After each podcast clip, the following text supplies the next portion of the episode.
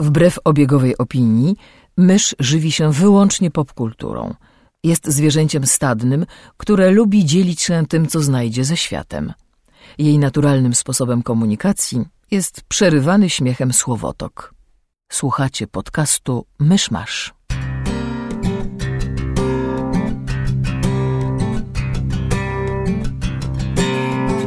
Gospodarzami podcastu Myszmasz są Krzysiek Ceran, redaktor portalu Avalon. Kamil Borek ze studia Kobart. i Mysz, autorka bloga Mysza Mówi. Drodzy słuchacze, jest poniedziałek, 25 sierpnia 2014 roku. Urodziny Ifana Groźnego i Shona Connerego. Zapraszam do 71 odcinka podcastu Myszmasz. Drodzy słuchacze, ten odcinek zaczniemy od ogłoszeń parafialnych, bo jest ich dużo. Przede wszystkim ponownie gościmy w podcaście Zwierza. Dzień dobry. Witaj zwierzu. E, Po drugie, w studiu lata mucha, więc jeśli nagle usłyszycie jakieś brzęczenie w mikrofonie, to nie my. Poza tym mogą się zdarzać takie dziwne przerwy, kiedy wszyscy zaczniemy się wpatrywać w muchę, Chodź tu, synu! albo próbować ją złapać, tak jak to miało miejsce przed chwilą. E, próba, dodam, e, nie powiodła się. To będzie dziwny odcinek. Jednym słowem. E, Poza tym ja ostatni tydzień spędziłem na wsi, pisząc pracę magisterską, e, jednocząc się z przyrodą, medytując, ten, przestałem golić nogi, wsłuchiwałem się w głos mojej wewnętrznej bogini i w ogóle. Co ci twoja I wewnętrzna stąd ta bogini mucha, powiedziała? tak? Właśnie to sama pomyślałam. W każdym razie tak, miałem, miałem nietoperza nad łóżkiem, e, kleszcza w brzuchu i teraz mucha. Także świetnie, przyroda jest super, polecam. Ewentualnie to jest jakiś twój origin story. Radioaktywny kleszcz, kleszcz i nietoperz nad łóżkiem. Kleszcz już był, to. No dobra, e, przejdźmy może Kleszcz do... topesz. Ja się zamknę. E, tak. Co chciałeś powiedzieć? Nie mam pojęcia, nie wiem co chciałem powiedzieć. Obejrzałem jeden film w tym tygodniu, także ten, ten odcinek zależy od was. My mamy z trzy plus Kamil ma czwarty. No to skoro już zmierzyliśmy, kto ma więcej filmów, to może zwierzu, co, co w tym tygodniu? Co w tym tygodniu? Niech pomyślę. W tym tygodniu zwierz był w kinie. Na filmie Epicentrum. O, tak. Który to film ma znaczną wadę, ponieważ opowiada o tornadach i nie ma w nim latającej krowy. Jest. Jest? Jest. Z- Kamil zauważył. Znaczy, nie, jest, nie mogę być pewien, ale mam wrażenie, że w jednym ujęciu dosłownie w rogu ekranu e, przylatywały różne rzeczy i pomiędzy nimi była jedna Ja krowa. mam wrażenie, że w trailerze była latająca krowa. Ja trochę czekałam na nią i byłam zawiedziona, jak, jak się przyglądałam i jej nie było. Niemniej jest to film, który uczy nas, że każdy dy- wicedyrektor szkoły w Stanach Zjednoczonych doskonale wie, jak sobie poradzić w sytuacjach kryzysowych. Świetnie nurkuje, potrafi się posługiwać nożem. Co jeszcze? Ma niesłychaną siłę rąk, w związku z tym potrafi przytrzymać kobietę porywaną przez wiatr wiejący siłą 250 km na godzinę. No ale ogólnie rzecz biorąc, przypomina trochę wyglądem krasnoluda, co zawsze się przydaje.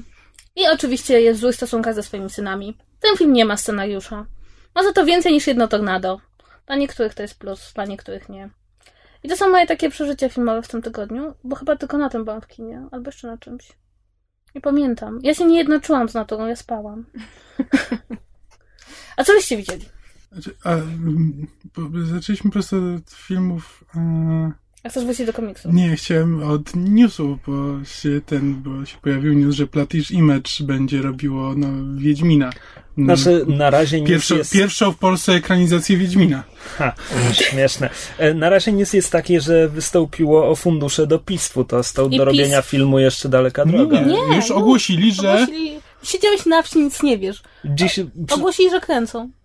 No dobra, ale pół godziny temu widziałem ekran w metrze, gdzie było, że PiS No, dopiero ale- wysłał wniosek do podkomisji. no to jest gazeta wyborcza, że w mecze latają newsy z gazety wyborczej, które są zazwyczaj tak ze trzy dni za faktami. Znaczy, teraz już wiemy, że to ma być aktorskie i, i że dostali kasę.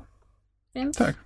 Już jakby są oficjalnie w fazie tam Produkcji. produkcji, Czy tudzież preprodukcji pewnie. preprodukcji. Tak, ja już widziałam e, podśmiechujkowe ten fancastingi do filmu na zasadzie Wiedźmina zagra Borys Szyc.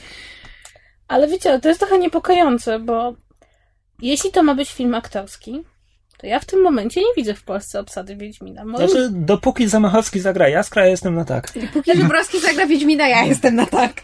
Chyba muszę wyjść. znaczy, dla mnie... Dopóki Ciechowski zrobi muzykę, zaraz. Nie, okej, ja, ja po prostu, każda polska ekranizacja oddala nas od jakiejś amerykańskiej albo brytyjskiej. Ale to była pierwsza rzecz, którą powiedziałam, jak Kamil wczoraj przyszedł do pokoju i powiedział, czy wiesz, że będą ekranizować Wiedźminę? Ja mówię, który raz i dlaczego będzie źle? Ale pierwsza rzecz, którą powiedziałam, to dlaczego ten film ma powstawać w Polsce? Przecież on z polskimi aktorami nigdy nie będzie dobry. Polska szkoła aktorska ma pewną konkretną manierę i mam wrażenie, że z nią Wiedźmin nie zadziała. Ja wiem, że on jest, prawda, bardzo polski, wręcz słowiański, ale to... Znaczy, jest, jest pytanie, dla kogo oni chcą zrobić ten film, bo moim zdaniem w tym momencie Wiedźmin to dosyć ciekawa rzecz, że w ogóle nie jest marką, którą się kojarzy z książką, to jest marka kojarzona z grą. Moim zdaniem Bagiński zrobiłby zdecydowanie lepiej, i tak mi się wydawało, że będzie na początku, robiąc animację. Mm. I być może wtedy byśmy byli w stanie to sprzedać wszędzie na świecie i, i nikomu by nie przeszkadzało, że to jest polski. Natomiast zastanawiam się, czy jesteśmy w stanie w Polsce w tym momencie zrobić dobry film fantazy. Nawet jeśli mamy to studio efektów specjalnych. To jest jeszcze kwestia podejścia do gatunku, tradycji i, i, i w ogóle pomysłu. No i nie wiem, i w ogóle zastanawiam się też, co chcą robić. Czy, ja Muszę przyznać, że mnie bardzo zaskoczył ten news, zwłaszcza, że ja bardzo czekałem i jak się okazuje, czekam nadal na Hardcore 44. Wszyscy czekają się, Czyli nie doczekają. poprzedni film Bagińskiego, realizowany nie wiem ile już lat. Znaczy, ja jedyne wady, jakie widzę w e, animacji, gdyby miała takowa postać, no to jest to, że to wtedy na 100% pozostało niszowe. Pomimo wszystko animacje dla dorosłych, jakby poważne, nie przebijają się do, nie przebijają się do mainstreamu. Znaczy, może nie była poważna, ale dla dorosłych. Jak się Jesz Jerzy sprzedał? Nie, Co? całkiem Jak- przyzwoicie. Była animacja Jerzy? Je, była i pe- całkiem miała pełno przyzwoite. ten tam. Miała, była całkiem przyzwoita, natomiast... A to tak się sprzedał, że ja nawet o tym nie słyszałem. E, a akurat Jerza Jerzego znam i lubię i nie, Nie no, był pełnometrażowy film animowany kiedy? dwa lata temu? Nie, dawniej, dawniej. Jakieś 4 do 5. Aż tyle? No może. Coś takiego. Może o tym słyszałem i zapomniałem. E, no, poza tym jakby... w- No właśnie, przez to, że się nie przebije do mainstreamu, moim zdaniem przynajmniej, no to też na siebie jakby nie zarobi, nie zwróci uwagi. No i przede wszystkim animacja by nie miała takiej szansy dostać funduszy z PiSu na, e, Z na drugiej realizację. strony, nie wiem, może to jest jakieś moje wykrzywione postrzeganie tych spraw, ale czy animację nie, nie byłoby łatwiej opchnąć za granicę? Właśnie to samo chciałam powiedzieć, bo Tak. Zależy, Stanach... co by chcieli zrobić, bo jeśli chcą ją opchnąć, to pewnie tak, tak jak jest, zrobić dubbing i opchnąć, być może, e, być może tak. Ale podejrzewam, że bardziej mimo wszystko by im się opłacało to po prostu sprzedać, nakręcić film, tak żeby pokazać jak to może wyglądać, a potem e, jakiś amerykański producent zobaczy, stwierdzi, "Mm, coś w tym jest, okej, to rzućmy na to 100 milionów dolarów, weźmy kogoś, kto przepisze scenariusz i zrobimy to po swojemu. Ale wiesz, ale z drugiej strony europejskie filmy fantazy z kraju, który nie wyprodukował dotychczas żadnego filmu fantazy, to nie jest pierwsza rzecz, na którą się ludzie rzucają. Hmm, remake tego byłby dobrym pomysłem. Natomiast dobrze zrobiona animacja mogłaby, mogłaby na siebie już zarobić w tym pierwszym rzucie, zwłaszcza biorąc pod uwagę, że animacje z e, gry są naprawdę dobre. I ta wizja Nie. Geralta z gry jest naprawdę rozpoznawana. Je- Nie, jak najbardziej. Ja bym bardzo nawet chciał zobaczyć taką animację, tylko że e, też jakby tak z perspektywy właśnie myśląc o tym, że chciałbym, żeby Wiedźmin się przebił do szerokiej świadomości w, na świecie, jakby nie tylko w Polsce, no to to jest właśnie animacja, no to animacja by dotarła do istniejących fanów e, Wiedźmina. I wtedy byśmy I zrobili na tym film by się zatrzymała. na zachodzie i byśmy nie musieli cierpieć. Znaczy, Dokładnie. No, no nie, bo wtedy by ktoś na zachodzie musiał jednak podjąć odważną decyzję, żeby z animacji zrobić e, film aktorski. Ale wiesz, gdyby animacja się dobrze sprzedała, gra się doskonale sprzedaje, to mam wrażenie, znaczy mam wrażenie, że po prostu nie jesteśmy w stanie zrobić tak dobrego filmu e, aktorskiego, żeby było go w ogóle, żebyśmy byli go w ogóle w stanie wypchnąć na zachód. Znaczy, jest jeszcze taka sprawa, że Wiedźmin na zachodzie, ogólnie pojmowanym, nie do końca jest marką. Znaczy, są gry, które się dobrze sprzedają, są popularne, znakomicie oceniane i tak dalej. I Amerykanie zrobili jeden komiks i to jest jakby cała marka Wiedźmin. No Właśnie Tak, wydaje ale- mi się, że o to chodzi, żeby CD Projekt próbuje tę markę stworzyć. Przepraszam. przepraszam. Nie, tylko dla mnie na przykład największym problemem w tym momencie jest to, że tempo tłumaczenia książek jest zatrważająco wolne. I ja jakby rozumiem, że Wiedźmin w tym momencie z, w Stanach zwłaszcza, ale ogólnie za granicą przede wszystkim to jest marka gier, tak jak Zwierz mówił. E, I tam rzeczywiście po, powstaje komiks i, i, i, i coś robią w tym kierunku, ale w momencie, kiedy nie ma przetłumaczonej całej sagi, to nawet jeżeli ktoś sięgnie po książki, to potem natyka się na ścianę pod tytułem nie ma więcej i czeka, zapomina, przepada. Więc po prostu ja na przykład nie rozumiem, dlaczego to tak wolno idzie. Okej, okay, Sapkowski nie jest najłatwiejszą rzeczą do tłumaczenia, ale ja pamiętam moment, w którym zaczęto tę książkę tłumaczyć i ja się zastanawiam, czy. Znaczy, czytałem jest... o jakichś historiach, że z Sapkowskim ktoś się procesował w Ameryce. O, że, że Geralt jest za blisko jakiejś postaci z amerykańskiego no fantazy z lat 80. czy coś. W Stanach nie, nie procesuje. No. Nie, zastanawiam się tylko, czy to mogło nie, nie spowolnić jakoś spraw. Ale, ale z drugiej strony mam wrażenie, że książka to jest. Akurat w przypadku Wiedźmina mam wrażenie, że ta książka może nie zdobyć dużej popularności na, e, e, na zachodzie, bo jednak tam jest trochę rzeczy, które dla nas są absolutnie czytelne i które dodają no, dosyć dużo wartości, natomiast mogą być kompletnie nieczytelne dla, dla, e, dla czytelnika z zachodu i to pierwsze jest przetłumaczyć to językowo, ale wytłumaczyć, prawda, ten pod koniec Wiedźmina, ten pogrom i jak on się ma w kontekście historii Polski, to jest już kompletnie nie do wytłumaczenia, a z jednej, a z drugiej strony to, to czyni Sapkowskiego ciekawym pisarzem, że, że my łapiemy te konteksty. Więc dla mnie, jeśli chcecie tworzyć jakąkolwiek markę wokół Wiedźmina, to paradoksalnie książki tutaj niewiele pomogą, bo, bo mam wrażenie, że one są dużo gorsze, jak się czyta za granicą. Mam wrażenie, że tak jest z Wiedźminem. Bo on nie, on nie tworzy tak bardzo ciekawego świata. Znaczy, ja bardzo lubię Wiedźmina i w ogóle czytałam go wielokrotnie i, i, tak, i kocham i ten, ale mam wrażenie, że to jest, to jest od, zdecydowanie lepsze, jak się kojarzy ten kontekst tych wszystkich nawiązań. A z drugiej strony, wiesz, to jest. Bardziej mi chodzi o to, żeby jeżeli mieliby się na, za to brać na zachodzie w jakikolwiek sposób, to jednak fajnie by było, gdyby mieli ten podkład na zasadzie, wiedzą jak się zaczyna, co się dzieje po drodze, jak się kończy, tak jak na przykład twórcy gry o Tron wiedzą. Prawda? Tak, wiedzą jak się kończy? Dogadali się z Martinem, wiedzą jak się kończy i, i trzymają to. Ja, ja nie wierzę, żeby. Martin nawet wiedział jak to się kończy. No, to, to, już jakby abstrahując od tego. A, ale po prostu sądzę, że jakby już abstrahując znowu, e, już pomijając właśnie kontekst, żeby po prostu mieli, mieli podkład. Dla mnie to by było tak jakby, wiesz, jakby Jackson miał nakręcić Władcę Pierścieni tylko z dwóch pierwszych książek, bo trzecia jest nieprzetłumaczona i nie wie, co się dzieje. No tak, ale co innego to jest nieprzetłumaczona, gdzie ktoś ci może powiedzieć coś na końcu, a co innego nie napisana. A zwróć uwagę, że mieliśmy przypadki, kiedy kręcono filmy na podstawie książek, które nie są napisane do końca. Znaczy, umówmy się, mieliśmy przypadki, kiedy kręcono filmy na podstawie nieskończonego scenariusza. Albo bez scenariusza. Albo bez scenariusza. Spuśćmy zasłonę milczenia na te filmy. Czy, też wydaje mi się, że to jest dla Platige Image to traktuje jako takie demo, że jakby, że oni mogliby stworzyć animację i pokazać to, co pokazywali już od 15 lat, że są dobrzy w robieniu animacji. Natomiast w animacji nie ma tylu pieniędzy, jak na przykład w efektach specjalnych a prawdopodobnie wolą pokazać, że potrafią zrobić efekty specjalne do filmu, niż że potrafią zrobić animację, co już wszyscy wiedzą. Ciekawe ja... spojrzenie. Zresztą, jak oni chcą, żeby czytać ich nazwę tak w ogóle? Nie wiem, prawdę mówiąc. Ja nigdy nie słyszałem tej nazwy czy... wypowiedzianej na głos, więc ja mówię Platisz. Platisz Image? Znaczy, ja mówię Platisz Image, ale więc w ogóle jakiś mysz masz. Ja proponuję Platisz Image. Platisz Image. Tak prestiż brzmi. Nie, ale znaczy ja kibicuję Platinum Remarsh, ale wolałabym, żeby oni to demo wykonali na jakimś innym tekście źródłowym. Ja, ale inna sprawa, że właśnie CD Projekt próbuje stworzyć markę Wiedźmina i też właśnie ostatnio się nad tym zastanawiałem, że mam wrażenie, że może w tym przesadzać, bo jakby już tam e, w Polsce to, że tam powstaje karcianka, gra planszowa, to jeszcze no jakby wydają elektroniczną wersję gry planszowej. Mamy nawet. E, grę na, e, grę na mobile, już jakby nie mówiąc tak, gry, gry RPG i boję się, że oni po prostu e, przesycą rynek i już w którymś momencie ludzie stwierdzą, że w sumie to już mają dosyć tego Wiedźmina, zanim tak naprawdę zdążą się w niego wkręcić. E, plus tego, że Wiedźmin e, poza Polską jest kojarzony głównie z grą, jest taki, że nie będzie specjalnie hejtu w internecie, jak powstanie od kolejny zły film na podstawie gry komputerowej. To nikt nie zwróci na to uwagi.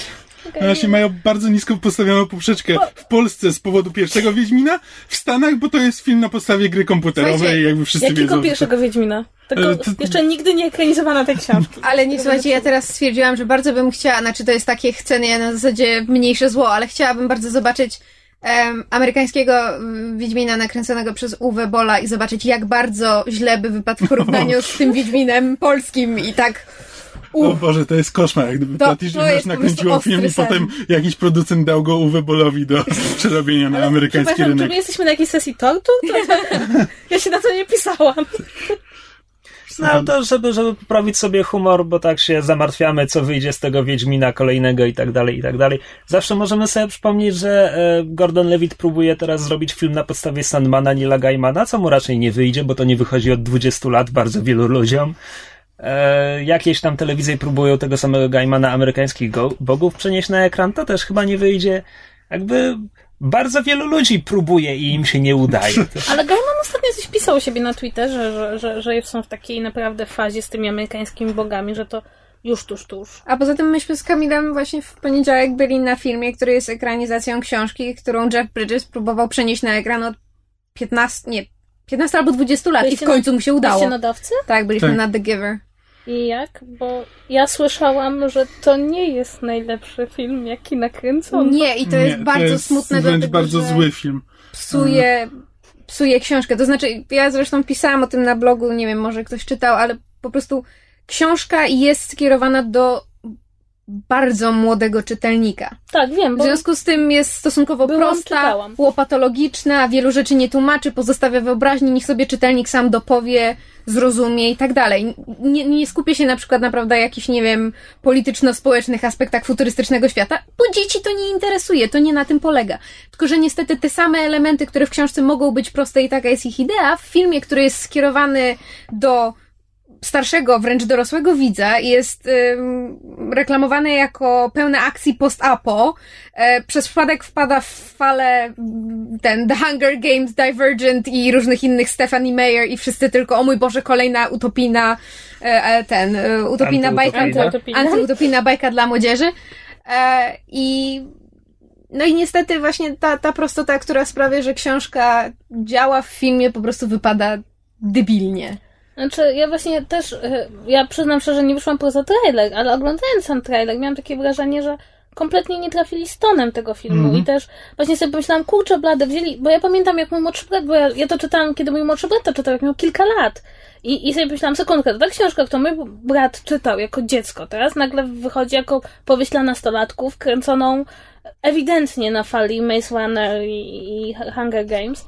Sobie pomyślałam, że to jest jednak strasznie przykre, kiedy ludzie poznają książki w ten sposób. To znaczy, ja nie jestem tym szaleńcem, który uważa, że należy najpierw czytać książkę, a potem można iść do kina, albo jeszcze najlepiej czytać książkę w oryginale, dopiero potem tłumaczenia, dopiero potem wolno iść do kina. Ale zawsze mnie żal, jak książka, która jest całkiem niezła, zostaje niezrozumiana. To jest, to, to był główny wątek tego, co napisałam i po prostu mi jest tak smutno, bo i na sali w trakcie seansu, już pomijam, jak ja nie znoszę tego, że ludzie gadają w trakcie seansu, bo nie po to przyszłam na film, żeby słuchać dowcipasów pani z rzędu za mną, ale już w trakcie seansu i po seansie słyszałam, jak ludzie strasznie na ten film narzekali i smuci mnie, że nie wiem, 90% osób, które nie znały wcześniej książki, a poszły film, albo obejrzały trailer, albo o nim usłyszały, natychmiast piszą książkę na stronę na zasadzie, a kolejne młodzieżowe, prawda, postapo czy tam antyutopia i oleją. No dobra, ja nie czytałem książki, e, nie widziałem filmu, znam tylko trailer i po trailerze miałem wrażenie, że to jest takie Jak powiesz ekwilibrium, to chyba się po prostu... ekwilibrium dla dzieci w czerni i bieli. E, to o co właściwie w tym chodzi? No, Jak widziałeś trailer, to powinieneś wiedzieć. Ha, ha, ha. E, no, idea nie jest jakaś super oryginalna, prawda? Utopijne, spokojne społeczeństwo pod tytułem bez emocji, wszystko jest pod linijkę. Czy po jakiejś tam nie, niezidentyfikowanej apokalipsie, w sensie, że coś się wydarzyło, No tak, basically teraz- ludzie zrobili sobie duże bubu, więc postanowili wszystko zmienić i teraz e, są jakby no, bezuczuciowymi robotami, nazwijmy to sobie. W tak telegraficznym skrócie. No i nasz główny bohater w tam wieku lat 12, kiedy tam wszystkim ludziom w społeczeństwie, wszystkim dwunastolatkom w Znaczy, nie społeczeństwie jest są społeczeństwo, prace. bo to są społeczności. To jakby jest powiedziane, to są bo to są małe, bo to jest jakby mała społeczność. To jakby wszystko działa, to nie jest tak, że mamy cały kraj, cały świat, tylko mamy społeczność tam, nie wiem, kilku tysięcy ludzi może. No nie, jest ich więcej. To jest jakby właśnie w Może filmie, filmie to To jest źle nie jest do końca najważniejsze, przejdźmy dalej. To w filmie jest inaczej przedstawione, w książce jest ich więcej, nieistotne. W każdym razie główny bohater w, w wieku lat 12, kiedy jakby członkom są, członkom społeczności są przyporządkowywane zawody, dostaje jedyny wyjątkowy, honorowy, prawda, zawód pod tytułem zostaje tym, y, ten, biorcą pamięci. I jak się okazuje, Pardon. On ma 12 lat. tak. Ja widziałem ten trailer. On nie ma 12 lat. No bo nikt, nikt w filmach o nastolatkach Nie ma Nie ma- nastolat. nie ma nastolat, a na pewno nic poniżej 15. Nie, nie, ale czy film w dalszym ciągu twierdzi, że, że ten... Sekundkę, film na, w dalszym ciągu twierdzi, że on ma Jest 12 lat. ceremonia 12, no tak, jest dwunastolatkowie wychodzą na Okej, scenę, te dzieci dwunastolatki mają... bardzo wyrosły w ostatnim czasie. Przegapiłem to, ale... Kurczaki na ja hormonach. wpadłam w ciężki szok, kiedy się dowiedziałam, że jeden z nowych aktorów w Teen Wolfie ma autentycznie tyle lat, ile gra w serialu i było takie... Skąd oni go wzięli? 16-latek w telewizji? To niemożliwe. On Ale ma pozwolą- 32 lat? Pozwolą mu grać z tymi wszystkimi dorosłymi ludźmi. No, dokładnie. E, wracając do filmu, zostaje e, biorcą pamięci, ma brać tę pamięć od tytułowego dawcy, e, którego gra Jeff Bridges i chodzi o to, że on przyjmuje od tego dawcy wspomnienia, ale nie tylko jego wspomnienia, jego życia, ale wszystkie wspomnienia ever w przeszłość daleko, daleko i daleko. Cofając się jakby do, do naszych czasów, do tych normalnych czasów. Jeśli dobrze kojarzę trailer, to w tym momencie przypomina sobie, jak działa Technicolor, prawda? Tak, basically, po prostu wiesz, Wizard of Oz. No dobra, no i e, jak bardzo jest to zły film i czemu? Znaczy, Bardzo. znaczy, struktura kompletnie jakby nie ma sensu. Znaczy, film jakby... Także to jest zły film i zła ekranizacja, czyli nie sprawdza się na żadnym A poziomie. ty znasz książkę? Tak. Znaczy tak, no bo jeśli to by była książka dla dzieci, e, znaczy to jest książka dla dzieci i gdyby film był po prostu ekranizacją książki dla dzieci Jak opowieści z Narni? i ekranizacją dla dzieci, to wtedy jakby to wszystko i w ten sposób byłby nakręcony, to nawet to by może działało jakoś tam. Ale ponieważ film jest nakręcony jako właśnie e, dystopia dla nastolatków, no to kompletnie jakby gubi ton, Już myślałem, że mnie uderzysz. Nie, to dla muchy. E, bo y, gubi ton, bo postaci są kompletnymi wydmuszkami. Znaczy tam nie ma ani jednej postaci, która by się w tym filmie jakoś zmieniła, przeszła jakąś drogę, e, czy coś, tylko są po prostu, no, ale Alex Skarsgård to się y, tam po prostu przewija przez ten ekran smętnie. Katie Holmes jest do znienawidzenia, bo taką ma rolę i jakby od początku do końca. Zresztą y, dla odmiany um, wow, zapomniałem nazwiska. Nie, aktor Meryl Streep? Meryl Streep, Jezus Maria. E, Przepraszam, miałem strasznie długi, ciężki dzień. To cię nie usprawiedliwia, Właśnie. naprawdę. To jest Meryl Streep. E, mam Alzheimera, cicho. E, Meryl Streep. E, Meryl Streep też jakby dla odmiany jest postacią do znienawidzenia. E, I wcale nie gra tak dobrze. tak, Jeff Bridges gra Jeffa Bridgesa, a nastolatkowie grają nastolatków, czyli nie mają żadnego wyrazu. Zasadniczo nie wiedzą, co tam robią. Tak jak nastolatek nie wie, co robi na świecie, to aktorzy nie wiedzą, co robią w tym filmie, bo reżyser chyba postanowił sobie pojechać Też na nie wie, co wakacje. robi. Tak. Ale, ale to jest właśnie problem, dlatego że książka jest, no, użyjmy tego terminu powiastką filozoficzną i ta taka naszkicowanie tej sytuacji doskonale działa na papierze. No problem polega na tym, że nie można szkicować sytuacji w filmie. Zresztą to jest w ogóle ciekawe, bo jeden można napisać tak, tego typu powiastkę dla, dla, na, dla takich młodszych, znaczy starszych dzieci, młodszych nastolatków. O tyle, jak to się przenosi na film, to to nie wychodzi. To znaczy, pewne rzeczy, które można opowiedzieć tak bardzo metaforycznie w książce, cholernie trudno, w ogóle film nie przyjmuje metaforycznych filmów dla dzieci.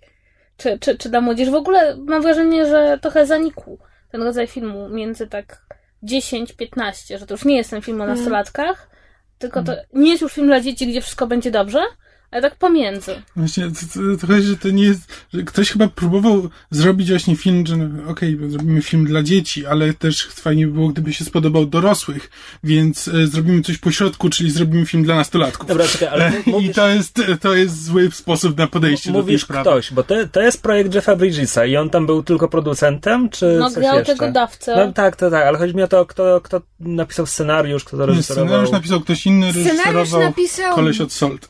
Scenariusz napisał duet e, scenarzystów, z czego dla jednego był to pierwszy scenariusz, a drugi do tej pory przede wszystkim e, kręcił i pisał scenariusze do filmów dokumentalnych o komikach. Zupełnie nie wiem, kto im zlecił napisanie scenariusza do tego filmu. A tak jak Kamil powiedział, reżyserem był Philip Noyce, czyli on zrobił Salt z Angeliną Jolie. I, I Olbrychskim. tak, i szczerze Z Olbryskim i Angeliną Jolie. tak, w tej kolejności. Szacunku trochę trzeba okazać. E, I mam wrażenie, że przy tym filmie bardzo wiele poszło nie tak. Tylko, że z jakiegoś powodu zakładam, że problem się zaczął już na najwyższym szczeblu. To znaczy, ktoś zobaczył, e, że, że mają jakby wykupioną opcję na zekranizowanie dawcy i stwierdził, o słuchajcie, teraz takie filmy są popularne, te wszystkie Hunger Gamesy i tak dalej, to zamieńmy to w film dla nastolatków, bo Kamil powiedział, że ktoś nie mógł się zdecydować, czy film dla dzieci, czy dla dorosłych i zrobił film dla nastolatków. A moim zdaniem to jest nieprawda. Oni po prostu wzięli książkę dla dzieci, olali wszystko i stwierdzili, zróbmy film pod tytułem właśnie The Hunger Games. Po prostu to był skok na kasę i to mnie dziwi tym bardziej, że to e, wyprodukowała firma Walden Media, która właśnie wcześniej zrobiła opowieści z Narni, które może były już ciut wyżej niż film dla dzieci, ale to był nadal ten taki właśnie baśniowy, bardziej fantastyczny. Jeszcze udało im się troszeczkę wp- wpasować w to. Dla mnie na przykład opowieści z Narni, zwłaszcza pierwszy, to jest bardzo czarująca właśnie bajka dla dzieci. Ile właściwie zekranizowali opowieści z Narni w tym rzucie? Trzy filmy były? Trzy były opowieści, ile Czarownica i Stara Szafa, Książę był Kaspian. Książę Kaspian I, i potem e, wędrowca. Fox zrobił Podróż Wędrowca do Świtu, bo oni stracili jakby, no mieli taką zapaść, przez chwilę nie kręcili Właśnie filmów, pamiętam, że tam jakieś nie było problemy kasy, były. a potem jak wrócili, to im już bardzo dużo podorastało tych dzieciaków i w sumie, w sumie ja się trochę dziwię, bo, bo można kręcić dalej. Bo nie potrzebuje się, w tym momencie już się nie potrzebuje tych samych aktorów. To te przedzieciaki się wymieniają Tak. w książce. Więc, więc spokojnie można byłoby No, kręcić właśnie dalej. w tym momencie, bo po trzeciej książce Tylko- oni się wymieniają kompletnie. Tak, Znaczy, tylko problem- Ja czytałem, że te filmy przestały na siebie zarabiać. Znaczy, Też. Ja się nie dziwię, dlatego że y, akurat opowieści z Narni, y, no ja na przykład sobie nie wyobrażam, jak oni by teraz ekranizowali Koniego Chłopiec, y, a już się Szczęcia Czarnoksiężnika, czy ostatniej, Ostatnia Bitwa. Ostatnia bitwa. Ostatniej w bitwy w ogóle sobie nie wyobrażam. Tak, więc oni trochę to skończyli tam, gdzie się kończy taka w miarę bajka. No jeszcze Srebrne Krzesło by moim zdaniem się udało. Oni kończą tam, gdzie się kończy w miarę taka spójna bajka, a, a nie wchodzą już tam, gdzie, gdzie zaczynają się bardzo mocne Ale z drugiej strony e, chrześcijańskie wątki. zrobili też w miarę sensowną rze- Jeszcze rzecz. mocniejsze od Lwa Jezusa? Jeszcze mocniejsze, nie no, no, w sumie tam W- potem się dosłownie pojawia, sz- prawie dosłownie pojawia szatan i Eden i ten drzewo dobra i I zła. zła. Tak, no wszystko, jest. wszystko tam jest. Y, I, C.S. Lewis nie był jakiś bardzo subtelny. Nie, nie, Książka wiem. dla dzieci. Znaczy, nie czytałem, nie wiesz widziałem, ale oni wiem. naprawdę nie czytałeś na... nie czytałem. Och, Ja się Och. wychowywałem na Tolkienie. ja przeczytałam całe w szpitalu i byłam oczarowana ilością Ale to nie chrześcijańskich miałeś tak, że motywów. mama czytała, czytała ci Narnia tata Tolkiena, bo tak się człowiek Nie, powinien. Starszy brat mi podrzucił Tolkiena i, i to Nie, tyle. nie, to Słuchaj, miałeś. oni skończyli Nie, w tata mi dobrym Bagdaja momencie. podrzucał. I Szklarskiego. skończyli w dobrym momencie, bo tak jak właśnie wspominałaś, ta- tam się po drodze jakby zmienia cała, w książkach się zmienia jakby cała obsada. I oni też podjęli dobrą decyzję, żeby skończyć wtedy, kiedy skończyli, bo musieliby wymienić całą obsadę, więc nie dość, że film mało na siebie zarabiał, to jeszcze musieliby go sprzedać z nowymi aktorami, biorąc pod uwagę, że część osób oglądała z przyzwyczajenia i z sympatii do tych aktorów, którzy byli na początku. Tak, no i, i rzeczywiście to jest trochę śmieszne, bo między tym, tą drugą częścią a trzecią, gdzie rzeczywiście była Spauloka, strasznie oni wszyscy powyrastali. Książę Kaspian się zrobił taki Trochę rosły. No, no. To jest bardzo. E, Co nikomu nie przeszkadza, no ale, ale jednak mimo wszystko rzeczywiście się nie dało tego dalej kręcić. I naprawdę, no też jakby byłoby bardzo trudno kręcić dalej, więc chociaż moim zdaniem na mnie to jest zaskakujące, że to się nie udało zarobić na tym grubych pieniędzy, bo to przecież jest no, w, w Polsce to może mniej, bo w Polsce w sum- stosunkowo późno Narnia wyszła po raz pierwszy, bo, bo jednak trzeba ją było przetłumaczyć i wydać jeszcze raz.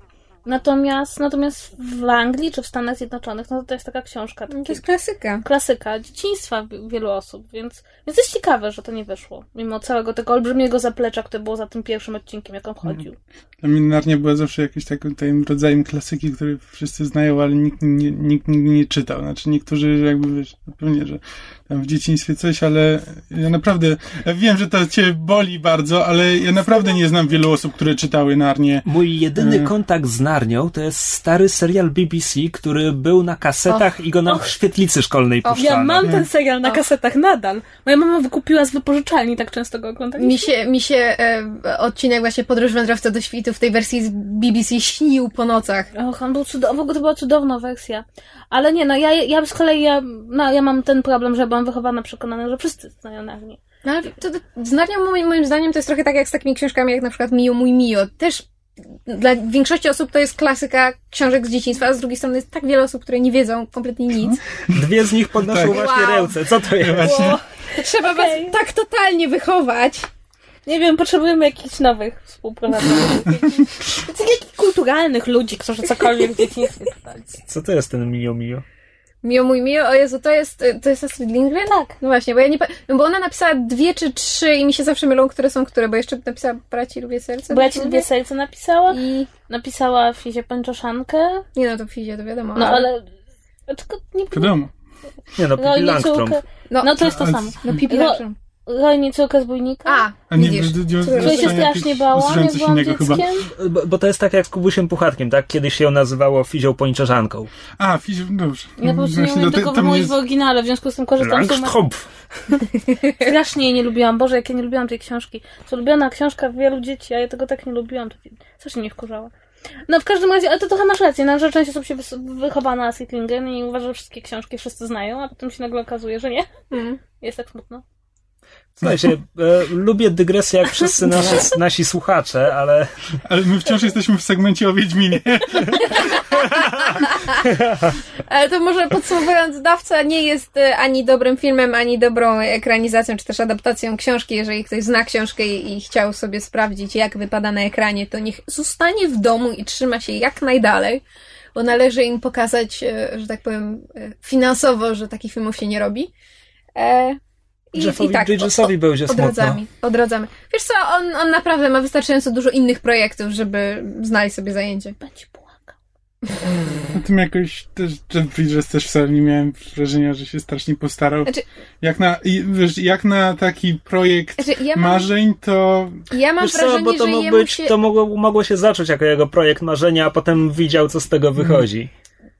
To było tak, że dla niego to był projekt marzeń to tam 15-20 lat temu, kiedy ojciec jego jeszcze żył, bo on chciał, on to planował tak, że jego ojciec zagra tego dawcę. Ja mam wrażenie, że on po prostu mógł to ciągnąć jakby z, z pamięci i z miłości do ojca, ale jakby stracił do tego serce. No, ja to tak widzę. Albo po prostu zdarzyło się to, co zwykle, czyli jedno jest marzeniem jakiegoś człowieka, potem przychodzi producent filmowy i robi to. tak. Tak, dokładnie.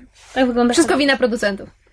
E, dobrze, no, tutaj, tutaj akurat mam wrażenie, że tak. Tutaj akurat mam wrażenie, że jest uprawnione stwierdzenie, że to jest wina, e, wina producenta, bo, bo po prostu ani, wiesz, ani ludzie, którzy do tego zostali zatrudnieni nie są w, nie są w porządku, ani jakby środki, którymi to wykonano nie są w porządku. Nic w tym filmie nie działa. dobrze, to może tyle o dawcy. Krzysiu, a co ty widziałeś? Ja obejrzałem film, który nie wiem czemu był na mojej liście od wielu lat, ale był. E, było to Kiss Kiss Bang Bang. Film, A, który Nawet niedawno sobie jestem bardzo rozczarowany, że nie ma polskiego tytułu, bo spodziewałem się wszystkiego od detektywa z przypadku po Smok Smok Piw Paw. Ale nie, był, był po prostu pod oryginalnym tytułem wyświetlany. I to jest straszne dziwadło. E, Strasznie przyjemne dziwadło, ale dziwadło. To jest debiut reżyserski Shane'a Blacka, który był scenarzystą Zabójczej Broni, a potem wyreżyserował trzeciego Ironmana. I na razie chyba już wiele ponad to nie, ale pisał dużo scenariuszy. Na podstawie jakiejś książki, ale tylko częściowo, nawet w napisach początkowych jest, że to jest tylko, tylko częściowo oparte na książce. E, Z, e, z Downey Juniorem, zanim Downey Junior zagrał Tonego Starka, czyli to jest jeszcze tak tuż przed tym jego renesansem. Tak, i z, Wal, z Walem Kilmerem, Walem kiedy Kilmerem. już nie jest tym Walem Kilmerem, którego znamy z dzieciństwa i kiedy jeszcze to jest śmieszny dowcip, że Wal Kilmer tak się zmienił, bo teraz jak się ogląda, to już jest trochę smutny dowcip. E, I z Michelle Monaghan, której kompletnie nie znam jako aktorki znikąd, ale Bo nie oglądałeś tego detektywa. bo nie oglądałem True Detective'a, tak. Ewentualnie Mission Impossible 5? Nie, pięć, Zrobili trzy. tylko cztery chyba. 4? No to Trzy. 4. Trzy! Ona Trzy? jest trzy, nie ma jej w cztery. A co jest w 4? E, Seymour Cruise. Hoffman? Nie, no nie, jest Simon też trzy. jest trójce. Trzy, no właśnie. W czwórce jest Dubaj. Ja, A, nie, ja nie Dubaj. widziałem trójki i czwórki. I to skakanie po wieżowcach, to Tak. jest czwórka. Dobrze. Ja, ja mam ciekawą historię związaną z Kiss Kiss Bang Bang, ponieważ ja miałam kiedyś, e, pałam wielką miłością do Roberta Downey Jr., nadal pałam, ale wtedy pałam taką trochę większą. No i miałam takie szalone trzy tygodnie, kiedy oglądałam wszystko, w czym Downey Jr. zagrał. No i obejrzałam Kiss Kiss Bang Bang, ale miałam tylko wersję z lektorem. I obejrzałam ten film i pomyślałam sobie, Boże, jaka kicha. I potem jakby obejrzałam znowu jakiś film z Downeyem Juniorem, wróciła mi faza i pomyślałam sobie, no dobra, obejrzę jeszcze raz Kiss Kiss Bang Bang. I obejrzałam tym razem bez lektora. I byłam po prostu pod niesamowitym wrażeniem, Mhm. o ile ten film był lepszy, ale nie trochę lepszy. To był inny film i był fenomenalny. Z czegoś, co było, nie miało kompletnie sensu, właśnie zrobiło się takie super przyjemne dziwadło. E, Wyjątkowe w sumie, bo ja nie znam wielu takich filmów, które by tak, tak, tak same do siebie podchodziły, bo ten film nie jest No dobra. Y, Rzecz się dzieje współcześnie, ale nawiązuje trochę do takich klasycznych kryminałów czarnych. A kiedy mówię, że to jest dziwadło, spójrzmy na samo zawiązanie akcji. Główny bohater jest drobnym złodziejaszkiem, który przypadkiem dostaje się na casting, gdzie zostaje wzięty za aktora, w związku z czym z producentem leci do Hollywood, żeby ma brać udział w tych s- zdjęciach próbnych do jakiegoś filmu, bo się spodobał producentowi. Więc tam dostaje e, ma się uczyć zawodu detektywa przy, u boku prawdziwego detektywa, w tej roli Val Kilmer, głównego bohatera gra Robert Downey Jr., po czym jego znajoma z dzieciństwa ma problem i on się jej przedstawia jako prawdziwy detektyw, więc ona go wynajmuje jako prawdziwego detektywa. To jest pierwsze 20 minut i to jest już matrioszka, która ma cztery warstwy. Tak. A jeszcze w dodatku film jest opowiadany przez niewiarygodnego narratora, bo Downey Jr. sam to jakby sam o tym opowiada i wielokrotnie myli się w narracji i stwierdza, że a, zaraz, nie powiedziałem wam o tym, to wróćmy się kawałek chwilę, ja wam trochę opowiem o dzieciństwie, a potem wrócimy, a potem sobie przypomnę, że jeszcze o czymś zapomniałem po drodze. Tak, mniej więcej tak. I by, kiedy, kiedy narracja się w taki sposób zacina, to film zostaje zatrzymany tak jakby na stopklatce. I to jest, znaczy kiedy mówię, że to jest dziwadło, mm, to nie jest film, który do końca działa. Dla mnie ten najwyższy poziom tego meta jest taki trochę dorzucony, trochę na zasadzie, wiesz, Shane Black mówi, słuchajcie, oglądaliście te filmy? Ja je oglądałem, to co? To pierwsza, pierwsze ujęcie nawiązuje do bulwaru zachodzącego słońca, to tytuły rozdziałów filmów weźmiemy z Chandlera. I ja nie wiem, po co to wszystko jest. Znaczy, to, to ma fajne tempo, fajne gagi. E, Ale, ale jest... I ogólnie bardzo się cieszę, że go obejrzałem. Jest Wiesz co, super, polecam go wszystkim. To Tylko, są że... nawiązania, które no, owszem, no może nic, nic nie dodają, ale nic nie odejmują od filmu, absolutnie. Nie rozumiem problemu. Znaczy, ja, ja oglądałam ten film raczej właśnie na zasadzie trochę jak w tytule Kiss Kiss Bang Bang, czyli bierzemy te takie właśnie Pulpa. to, co mówisz, te, te schematy, Tak, nawiązania, pulpa to jest najlepsze słowo. tą pulpę i się nią bawimy. I, i ja, ja nie, wyszłam, to znaczy jak obejrzałam ten film po raz drugi, już mi się spodobał, e, to miałam takie wrażenie, że obejrzałam coś właśnie, co bardzo sprawnie się tym wszystkim bawi, a mogłoby pójść to dużo gorzej i wielokrotnie idzie dużo gorzej.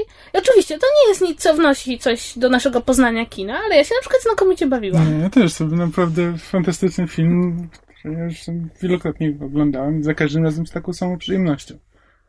No dobra, znaczy, e, wiesz co, nie wiem, e, może ten chwyt z narracją mi nie do końca dopasował, bo potem... E, A to jest coś, co mnie od pierwszych chwil po prostu Dla złapało mnie za serce. Okej, narracja w filmie tak, ale mi chodzi o sam koniec filmu, gdzie okazuje się, że, że Downey Jr. mówi wprost do kamery i to, i to dobudowuje znowu jakąś taką kolejną warstwę narracji, której ja nie rozumiem o co chodzi i czemu on to mówi. A ja to chyba kiedyś oglądałam z komentarzem. Na pewno to oglądałam z komentarzem. To, to mogłoby być ciekawe. Ja I mam zastanawiam się... wrażenie, że oni chyba zdecydowali się tak skończyć ten film, tam jest ten, ten, ten wcześniej, jest taki moment z tym ojcem, taki jest nagle taka poważniejsza nuta. Mhm.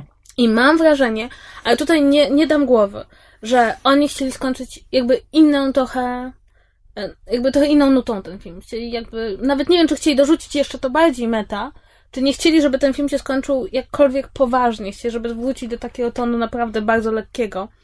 Bo ja pamiętam, ja to na pewno widziałam z komentarzem. Na pewno. Muszę... Ale nie pamiętam dokładnie, czy właśnie to za nimi Mhm. nie stało, więc tutaj nie dam głowy, bo nie pamiętam. To nie jest ten komentarz, który pam- znam na pamięć, ale być może Jeszcze... Ja uwielbiam ten film, bo jest, to jest czysta zabawa formą. To jest po prostu wiesz, film, który sam siebie rozkłada na, rozkłada na kawałki. Ale nie ma jej znowu aż tak dużo. Znaczy, poza tym, że narracja w pewnym momencie mówi, o kurczę, jaka to jest paskudna klisza, ale naprawdę tak to się wydarzyło. Znaczy, znaczy, nie no, mi się, mi się w końcówce jest e, genialna scena, to spoiler, uwaga, drobny, do końcówki, ale jak tam właśnie się potem okazuje, że postać Wala Kilmera przeżyła i narrator właśnie stwierdza, no skoro on przeżył, to równie dobrze, to równie dobrze każdy inny mógł przeżyć, to równie dobrze mógłby Elvis to przeżyć. I zaczyna wchodzić, zaczyna wchodzić Elvis i Marilyn Monroe i e, Abraham Lincoln. To jest wiesz, tak na zasadzie, że e, rozkładamy schematy scenariusza, własnego scenariusza na, na To kawałki. jest, to jest coś ciekawego, bo ten film to jest komedia sensacyjna, jakby ktoś miał jakiekolwiek wątpliwości. E, przy czym właśnie czasami jest zaskakująco poważna, jak w tej scenie z ojcem, e, a z kolei jako komedia to też jest po prostu na całej skali, bo tam są dowcipy od Mela Brooksa po, po Gaja Ritchiego i to tak niesamowicie rozstrzelone. No, dlatego to jest pulpa, to po prostu zbiera ze wszystkiego, co mogło po prostu Natomiast bardzo się jestem zainteresowany tym i chciałbym się dowiedzieć, ile z tego to jest, y, znaczy z dialogów, to jest scenariusz, a ile było improwizowane na planie przez Downey Juniora i Kilmera.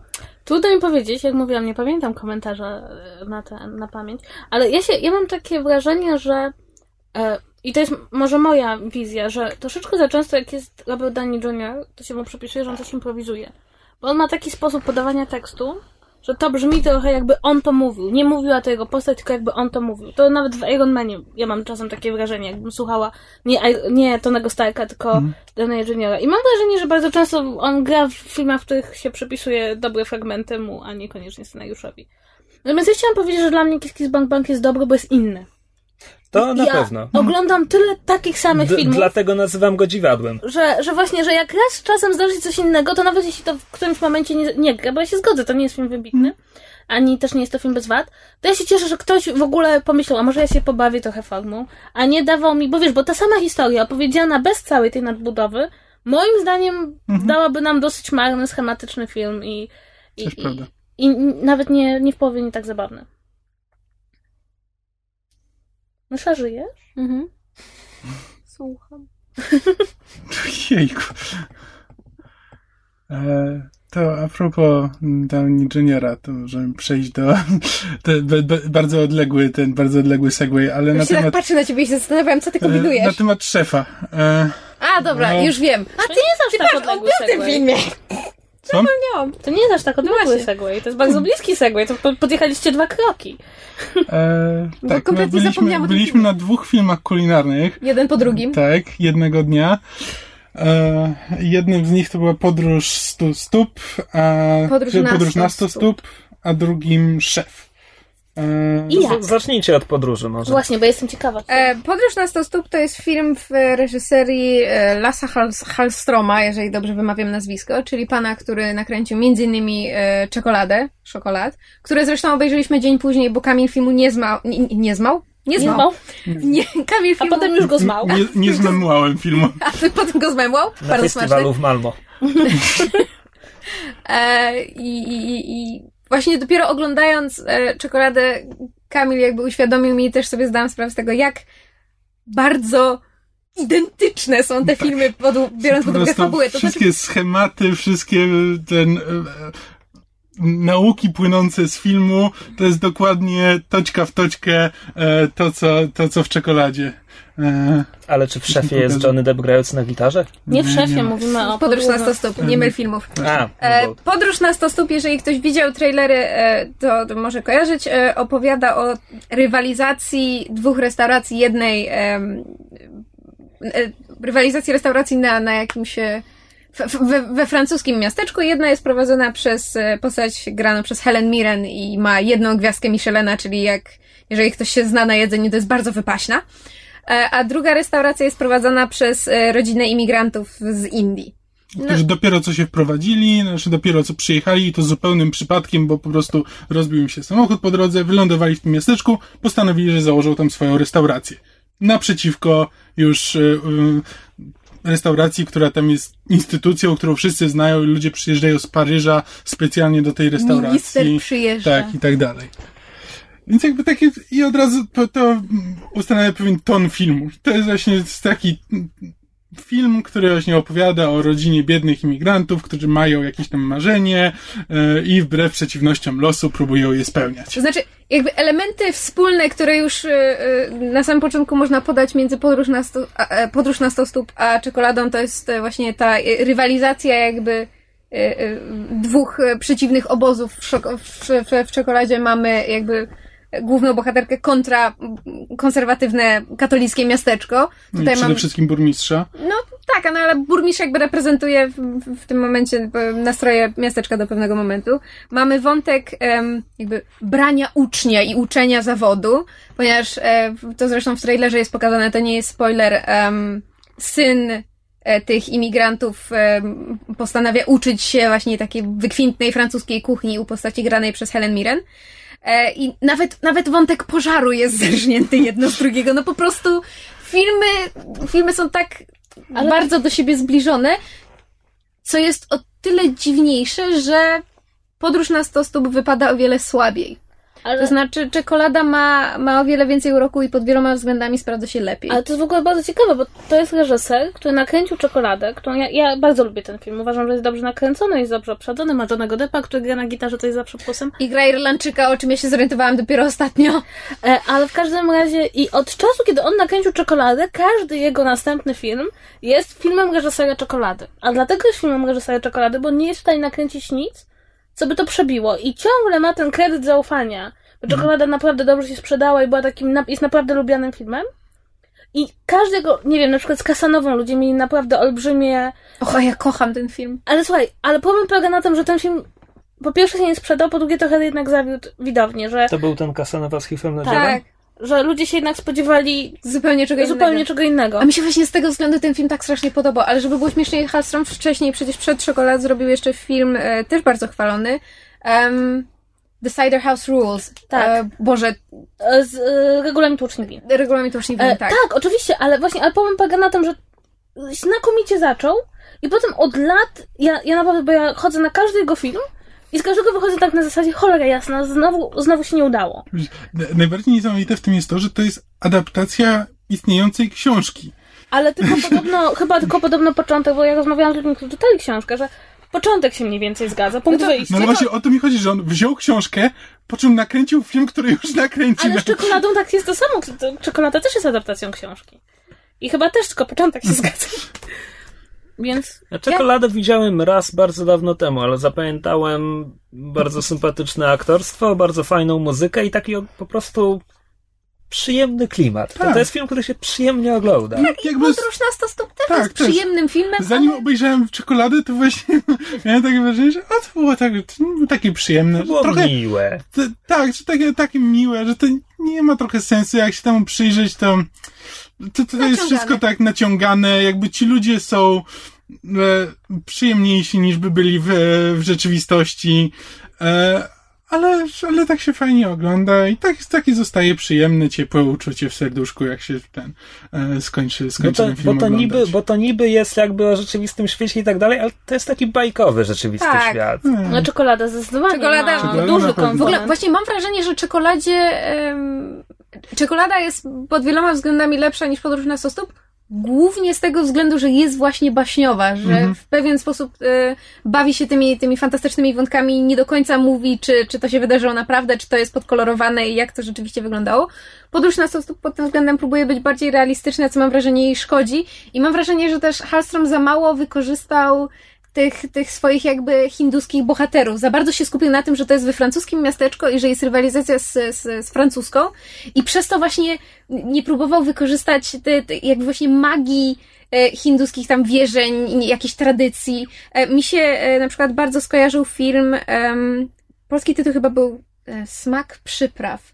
Jest taki film o hinduskiej dziewczynie, która przyjeżdża bodajże do San Francisco i tam od, otwiera sklep z przyprawami i naprzeciwko niej gra um, o Boże, on się nazywa nie Dermot Mulroney, tylko ten drugi. Nieważne. W każdym razie to był film, który bardzo dobrze wykorzystywał właśnie em, to, że zwłaszcza dla, dla Europejczyków em, Hindusi są w, w jakiś sposób egzotyczni, no, ich wierzenia, ich, ich tradycje są zupełnie od naszych różne, a Hallström tego w ogóle nie A ja wykorzystał. mam wrażenie, dlatego że ci Hindusi przynajmniej, e, tak jak mi się wydaje, to oni są tylko takim znacznikiem. To nie chodzi o Hindusów, Mm. tylko po prostu akurat Hindusi na, na francuskiej prowincji, jacyś bardzo egzotyczni obcy. I to jeszcze moim zdaniem to jest, moim zdaniem to jest ważne, że to muszą być obcy, które no, musimy pamiętać, że jednak Francja czy Anglia to jest kraj emigrantów, więc to muszą być jacyś tacy emigranci z takiego kraju, żeby to broń Boże nie, nie wchodziło na żadną płaszczyznę polityczną, bo to nie jest ten rodzaj filmu.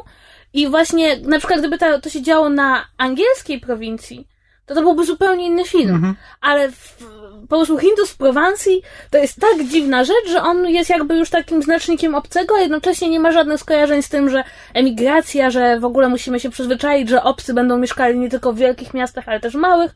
I tak przechodzimy do cudownej krainy łagodności. Tak. Czekamy na następny film tego reżysera, w którym rodzina Eskimosów będzie konkurować z niemiecką kiełbasiarnią. Bardzo mi się podoba ten pomysł. E, Macie, my mamy 20 określeń na śnieg, a wy 40 na wóz. Nie różnimy się tak bardzo. E, ale tak, ale to jest przyjemny film, można obejrzeć. E, Natomiast Szef jest jakby zupełnie innym filmem, mimo wszystko. E, w reżyserii według scenariusza Johna Favreau. tak. E, I w głównej roli gra John Favreau, który gra szefa kuchni jakiejś tam restauracji w miarę mm, dobrze prosperującej. prowadzonej, znaczy której właścicielem jest Dustin Hoffman, co jest o tyle ciekawe, że to jest chyba jedna z niewielu ról, które ja znam, w których Dustin Hoffman gra dupka. I to gra go tak fenomenalnie, że ja po prostu spojrzałam na niego i stwierdziłam, wyjdź. Wyjdź. Chciałam mu dać po prostu w paszczę. E, No tak, i John Favreau gra właśnie szefa kuchni, który jest dosyć, dosyć dobrze znany, e, dobrze prosperuje, ale jakby wdaje się na Twitterze w, w kłótnię z krytykiem, z e, kulinarnym, znaczy blogerem kulinarnym. Tak, to jest bardzo dokładnie. podkreślane, że to nie jest tylko krytyk kulinarny, ale że on prowadzi bloga i ten blog jest bardzo czytany. Ja się na tym filmie tak strasznie skręcałam. Tak, i że blog został wykupiony przez jakiś tam e, e, konglomerat Tak, za, prasowy. za wiele milionów dolarów i Tak, w tak. ogóle. I jakby film... Chciałabym zgłosić, że mojego bloga też można wykupić za wiele milionów. Jakby ktoś chciał się zgłosić, to proszę się kontaktować. E, tak, podcast też my, chętnie my jako podcast Myszmasz też czekamy, aż ktoś da nam Ogólnie- okazję, żeby się sprzedać. Możemy się sprzedać. W każdym razie szef ma cały czas e, w tle e, jest, jest filmem też e, poza kuchnią, jest w dużej mierze filmem o mediach społecznościowych. Jakby w ogóle takiej społeczności, społeczności właśnie, no może nie globalnej, bo to się w, tylko w Stanach dzieje, ale, ale jakby takiej społeczności właśnie połączonej przez, e, przez internet. Tak, to jest w sumie ciekawe, że to jest pierwszy film, w którym ja widzę, że ludzie rzeczywiście rozumieją A, jak korzystać z mediów społecznościowych, B, wiedzą, jak to pokazać na filmie. Pamiętam, bardzo dużo było em, na ten temat się mówiło w momencie, kiedy wyszedł pierwszy sezon House of Cards, że to był serial, który pokazywał, znaczy, który pokazał, jak należy na ekranie przedstawiać media społecznościowe, jak znale- należy z nich korzystać, żeby to atrakcyjnie i fajnie wyglądało na ekranie. Ten film robi to 20 razy lepiej. E, Jeśli mogę wrzucić dygresję, jest taki cykl internetowych filmów e, Every Frame a Picture, e, którego twórca przygląda się albo twórczości różnych reżyserów i ostatnio wrzucił właśnie filmik o tym, jak SMS-y i internet są pokazywane na ekranie w filmach, serialach, właśnie jako przykłady podając Sherlocka BBC, House of Cards, różne filmy, kino japońskie i tak dalej. E, Bardzo ciekawe. To są takie kilkuminutowe, 6-7 minut. Every Frame a Picture, jeśli nie przekręcam tytułu. E, tak, no i ponieważ on się wdaje, wdaje właśnie w kłótnię z tym blogerem, to, to eskaluje trochę jakby poza jego e, kontrolę. No, staje się wiralem, no co, tak, co innego. no i on, on jakby traci, traci ten swój biznes i postanawia założyć e, barowóz. Food trucka! Tak, i wyrusza, i wyrusza tym food truckiem w trasę po Stanach Zjednoczonych. Wraz ze swoim synem, który, y, który cały czas jest trochę na niego obrażony, bo, Bo bo, rozwód. tatuś jest, bo, bo rozwód, bo tatuś jest zajęty i nie ma czasu dla syna, e, a syn chce spędzać z tatusiem jak najwięcej czasu, więc, więc jadą razem w trasę. Już mi trochę niedobrze, więc... E, Czy mogę zgadnąć zakończenie? Wszystko dobrze się kończy, przyjmują go z powrotem do pracy, żona do niego wraca, pies wita go na progu. Nie, nie, e, myślisz o wojnie światła Spielberga. Sorry.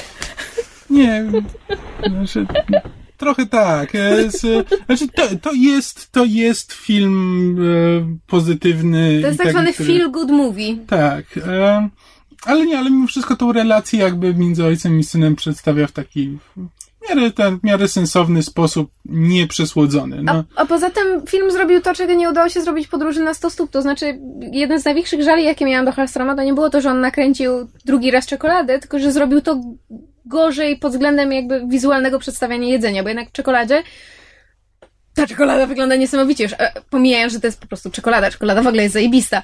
Ale jakoś w tej podróży na 100 stóp to jedzenie nie wyglądało atrakcyjnie. A w, w szefie Tak, w szefie, widać tę wy- miłość do Ja jedzenia. wyszedłem z tego filmu y, i pierwsze co powiedziałem, myszu, załóżmy warowóz. To jest takie fajne. Tak, e, więc e, rzeczywiście to się, to się Favreau chwali, tym bardziej, że on jakby e, e, odbył e, rzeczywiście kurs e, z mistrzem kuchni, żeby się nauczyć do filmu gotować i on wszystko sam przygotowywał.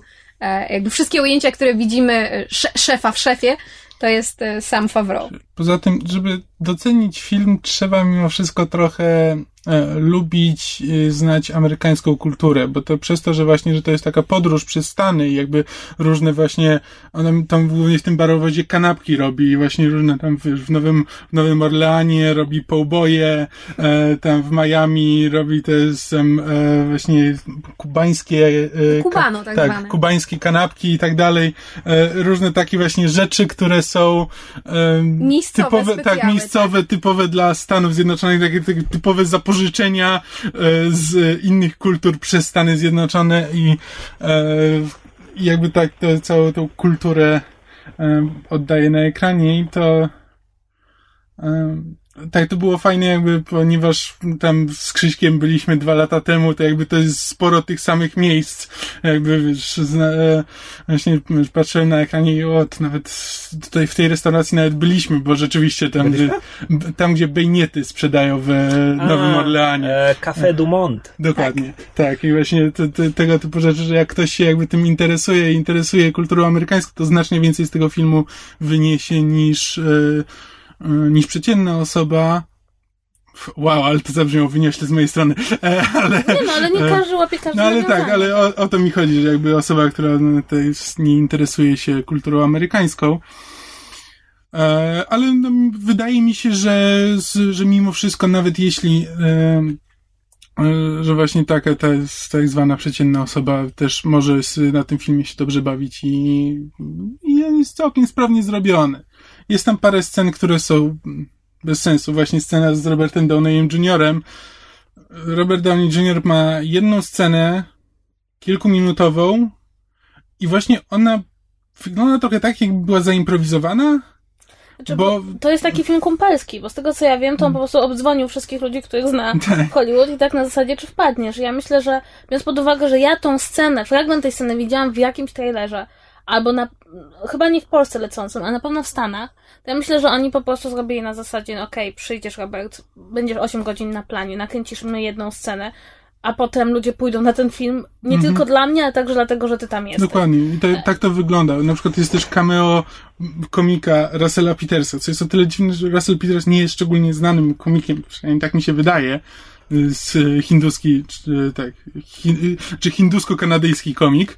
E, Ale nie, ja z tego co ja wiem, to on naprawdę obdzwonił wszystkich swoich znajomych. tak, to nie jest jak ale, wiesz, ale to są takie sceny, że on się, tam się jakaś postać pojawia i jest jakaś scena i ta scena absolutnie nic nie wnosi do filmu, Tak, nie jest nie jest śmieszna. szczególnie śmieszna, Jest. tak i właściwie nie wiadomo po co. Słuchajcie, bo mo- może John Favreau próbował zrobić film drogi. Znaczy, ten film ma takie Tak, elementy. To, no to jest takie feel good kitchen road trip family movie. No, coś takiego. Nie, ma takie elementy filmu drogi. E, To, to, to jest bardzo specyficzna kuchnia i składniki są z różnych dziwnych miejsc, ale to działa. tak, ale to jest taki, taki There przyjemny had to film. be a food metaphor, come on! Tak, strukturalnie się tam momentami sypie, ale, ale bardzo przyjemnie się go oglądało. Jest bardzo sprawnie nakręcony, przyjemne aktorstwo, przyjemni aktorzy. Muzyka Tak. świetna. Jeżeli ktoś lubi kubańskie rytmy, bluesa tak. i muzykę taką naprawdę niezależną, w sensie taką z, z zagłębia stanu, właśnie bardzo, bardzo też odpowiadającą miejscowym klimatom, to jest świetna. Słuchajcie, może moglibyście zaspokoić moją ciekawość. Kim był i co robił John Favreau przed Iron Manami? On przede, On był aktorem przede on przede wszystkim. wszystkim grał. Ja No, tak- nawet ja- przy, w przyjaciołach miał... E, Oczywiście, on Ja grał go kojarzę. ukochanego Moniki. Tak, ja go kojarzyłam głównie, to znaczy ja go pamiętałam, że mi się tak migał na, na ekranach w różnych filmach. Ale, ale właśnie to, to w sumie to... Ale ja też się zastanawiałem, w jaki sposób on się on- zaciągnął to do Iron Man to był jego debiut Nie, reżyserski? chyba nie był debiut, nikt by nie dał Nie, Iron on po, on, po drodze, on po drodze nakręcił chyba parę filmów, w których niektórych też zagrał. Już nie pamiętam, ja widziałam parę z jego rzeczy, chyba nakręcił, mam wrażenie, że on nakręcił i zagrał w filmie z Fankę Jansen? Coś o jakichś szpiegach albo zabójcach, coś jakieś zabili go i uciekł. Było GoldenEye. Śmiesznyś. E, tak, a żądasz od nas, żebyśmy po prostu zajrzeli na IMDB. Nie, nie, nie, bo myślałem, myślałem, że może któryś z was wie, ale... On okej. coś miał, na pewno musiał mieć coś na koncie, nie daliby debiutantowi Ironmana. Wiesz, no, to było zanim jeszcze istniało Marvel Cinematic No, Universe. biorąc pod uwagę, to że był Iron Man. chłopakom, od, Iron Man 10 lat temu, to, to co to No, było? prawda. chłopakom od Community da, dali 90 Captain America Winter Soldier, więc eh.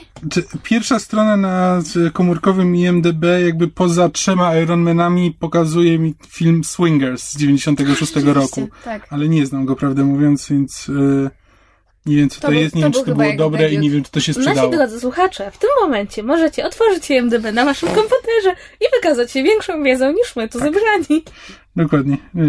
Dobra, to Nie daj, wiem, na dajmy, co patrzę, sobie, dajmy sobie A tym spokój. słuchajcie, a e, oglądaliście telewizję w osta- znaczy telewizję, o seriale, chciałam powiedzieć, w ostatnich tygodniach? Znaczy, Ja siedziała ja, na miesiąc ja w zaległości. wakacje, ja w wakacje oglądam tylko Trublada obecnie. A, i się kończy. La, la, la, ale nic nie słucham, cztery Ale ten odcinki zaległości. Kamil pół godziny temu wymieniał e, tego Skarsgarda w obsadzie Givera i ja sobie przypomniałem, że twórcom Tru- Trublada udało się zmieścić najzabawniejszą scenę, jaka kiedykolwiek im wyszła właśnie ze Skarsgardem. Nie, ja nie wiem. Nie, bo to ostatni odcinek. Ja nie jestem na bieżąco zupełnie, ja się zatrzymałem na drugim odcinku w tym sezonie. Ty jesteś na bieżąco, wiesz o czym nie, mówię? ja mam przez ostatni odcinek. To nie będziemy rozmawiać o tym. Dobrze. Nie będziemy rozmawiać o serialach, cicho. Może Nie, ktoś no ze to- słuchaczy wie o czym mówię i, i przyzna mi, że była bardzo śmieszna scena. A sekundkę, wiem o którą ci chodzi. Z Ginger, tak? Tak, tak. A, tak. Tak, to oczywiście, tą scenę widziałam z tego odcinka. A no właśnie.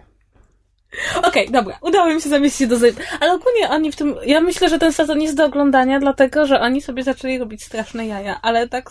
Moim zdaniem oni już trochę po bandzi jadą, to znaczy na zasadzie, to jest nasz ostatni sezon, przestańmy udawać, że to jest poważny serial o wampirach. Tak, ale to jest trochę tak, trochę tak, jak Kamil zawsze krytykuje gry komputerowe, które próbują się nabijać z gier komputerowych, e, popełniając te same błędy, co złe gry, gry komputerowe. To, to, że Trublad się nabija z tego, że jest złym serialem, w dalszym ciągu jest złym Nie. serialem. Nadal jest złym serialem, ale ja wolę oglądać zły serial ze świadomością, że... Że przynajmniej twórcy wiedzą, że robią zły serial. Ja w szóstym sezonie miałam wrażenie, że nie pamiętali, że robią zły serial.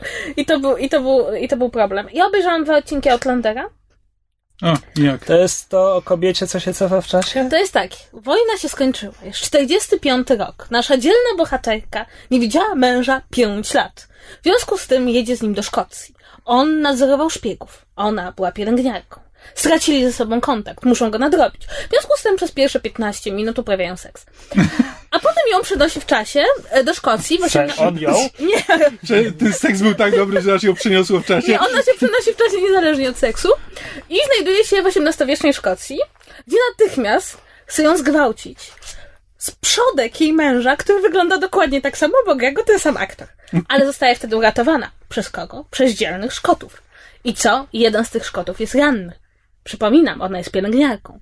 Więc nastawia ramię dzielnego Szkota, który jest oczywiście przystojny i świeci gołą klatą, ponieważ ma ramię nie, we nie właściwym miejscu. I zabierają ją, trudno powiedzieć dlaczego, przed siebie. Absolutnie żaden z pytań, skąd się wzięła wściucha z lat 40. I po drodze, co się staje? Szkot zostaje ranny. I co ona musi Czy zrobić? ten sam Szkot? Dupa nie żołnierz. Ale słuchajcie, docierają do zamku i co się okazuje? Trzeba Szkotu zmienić opatrunek. Więc co robi Szkot? Zdejmuje koszulę. I ogólnie tak w największym skrócie wyglądają jak na razie przygody naszej dzielnej bohaterki. Ale nie, ale jest to bardzo ciekawy serial, ponieważ e, widzowie dzielą się na trzy kategorie. To znaczy, po pierwsze, to są ci widzowie, którzy widzieli, czytali książkę i wiedzą, co będzie dalej i oglądają taką ekranizację książki. Czy to jest książka? Ona jest D- Dana Gabaldon, Diana Gab- Gab, Gab, Gabaldon? Gab, Gab, Gabaldon Bo ja się po raz pierwszy o tym serialu dowiedziałem zupełnym przypadkiem, e, bo e, pojawiła mi się na stronie facebookowej e, informacja z fanpage'a Unrise o, e, z, o wywiadzie z wampirem. Że tam jest, że ustalili, kto będzie tam scenarzystą e, remake'u wywiadu z wampirem. Ja Jedyni dwaj chciałem- scenarzyści w Hollywood tak, w momencie. chciałem, chciałem powiedzieć, tylko że potem nie mogłem znaleźć tego newsa i nie pamiętałem, czy dobrze kojarzę, kto ma być tymi scenarzystami. E, więc zacząłem przeglądać stronę Anne Rice I trafiłeś na Atlantyk. i trafiłem na cztery chyba różne newsy o Outlanderze. Ona autentycznie, Anne Rice pisała e, z- o tym Outlanderze z... e, No więc jeśli się zna książkę, to, to, to może jest dobra ekranizacja tej książki. E, Czytelniczki książki dzielą się na te, które uważają, że to jest wspaniała powieść i jest w ogóle cudownie, i, i na te, które walą głową w mur. Em, no, a poza tym jeszcze wśród widzów są ci, którzy absolutnie nie mają pojęcia, o czym jest książka. Ja wiem, o czym jest książka, bo jak większość z was posiadam komputer podłączony do Wikipedii i wiem, co będzie dalej, e, ale nie czytałam jej nigdy i, i chyba nie przeczytam. E, Natomiast no, jest jeszcze taka grupa osób, które jakby i ja chyba do niej trochę należę, które nie są do końca przekonane, czy sprawdzi się teraz w telewizji współczesnej taki romans, romans. Dlatego, że ten serial to jest takie romansidło i to Mm. takie, że gdzie tam bardzo dużo rzeczy dowiadujemy się, ponieważ bohaterka mówi jest za kadru i na przykład słyszymy, dowiedziałam się, że moja przyszłość jest, będzie dopiero moją przyszłością. Jak coś, co się już wydarzyło, mogło się jeszcze nie stać.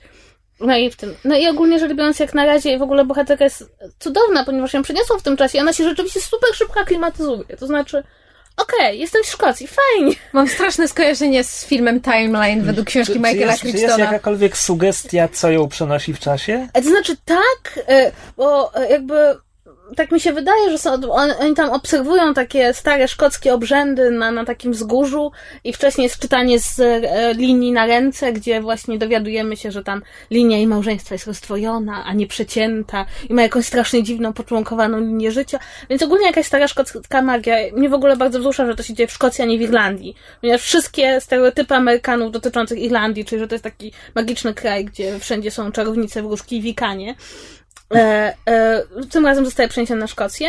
No i jeszcze mamy takie cudowne, prawda, mamy tych dobrych, prawych Szkotów w kiltach, którzy są tacy dobrzy Właśnie i prawi, i tych złych Anglików, którzy gwałcą i biczują i mają z tego przyjemność. Jest cała scena, rozumiesz, okładania głównego Szkota. To jest przeszłość, ponieważ ten Szkot nie jest tak, że jest ciągle ranny. Może jest. E, I ona patrzy na te jego porane bliznami plecy. E, Blizny są takie, że ewidentnie by się z tego nie wylizał po prostu, jakby to było naprawdę w XVIII wieku. E, No i się dowiadujemy właśnie, że go wychłostał zły Anglik, który jest przodkiem jej męża, tego, co go zostawiła w latach 40. Jakiej to jest produkcji serial? Stars. tak. Właśnie Dlatego, dlatego Myślałem, że szkocka partia niepodległościowa.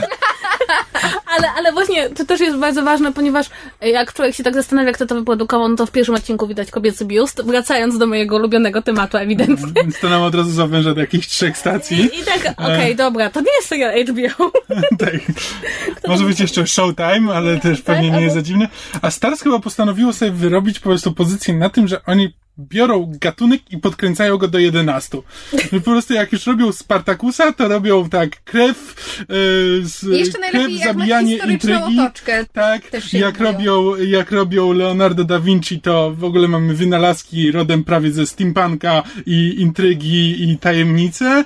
I E, biseksualność. no tak, a jak mamy Outlandera, to jak mamy o Szkotach i Anglikach, to Szkoci są, tak, prawi Anglicy są Tak. źli. I Jak im się to właściwie sprzedaje? Znaczy wiem, że Leonarda kontynuują, prawda? Tak, drugi sezon. A. Black Salesy? Też, Tak, też, też- mają, też będzie. mają Aha. kontynuować. No ja myślę, że Outlander może być wielkim hitem, ponieważ ja tylko napisałam, że mi się nie podoba, to wychynęły z różnego, różnego części internetu e, osoby, które uwielbiają książkę, twierdzą, że to jest dobra ekranizacja książki.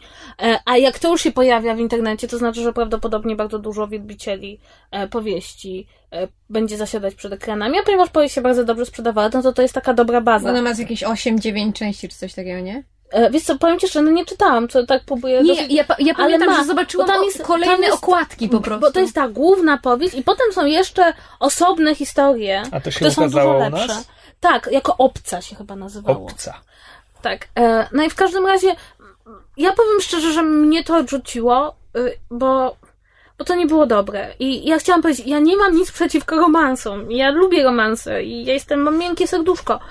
Ale to nie był dobry romans, tylko to było takie na zasadzie, uuu, przystojny szkos, zdejmijmy mu koszulę. I jeszcze raz. Jasne.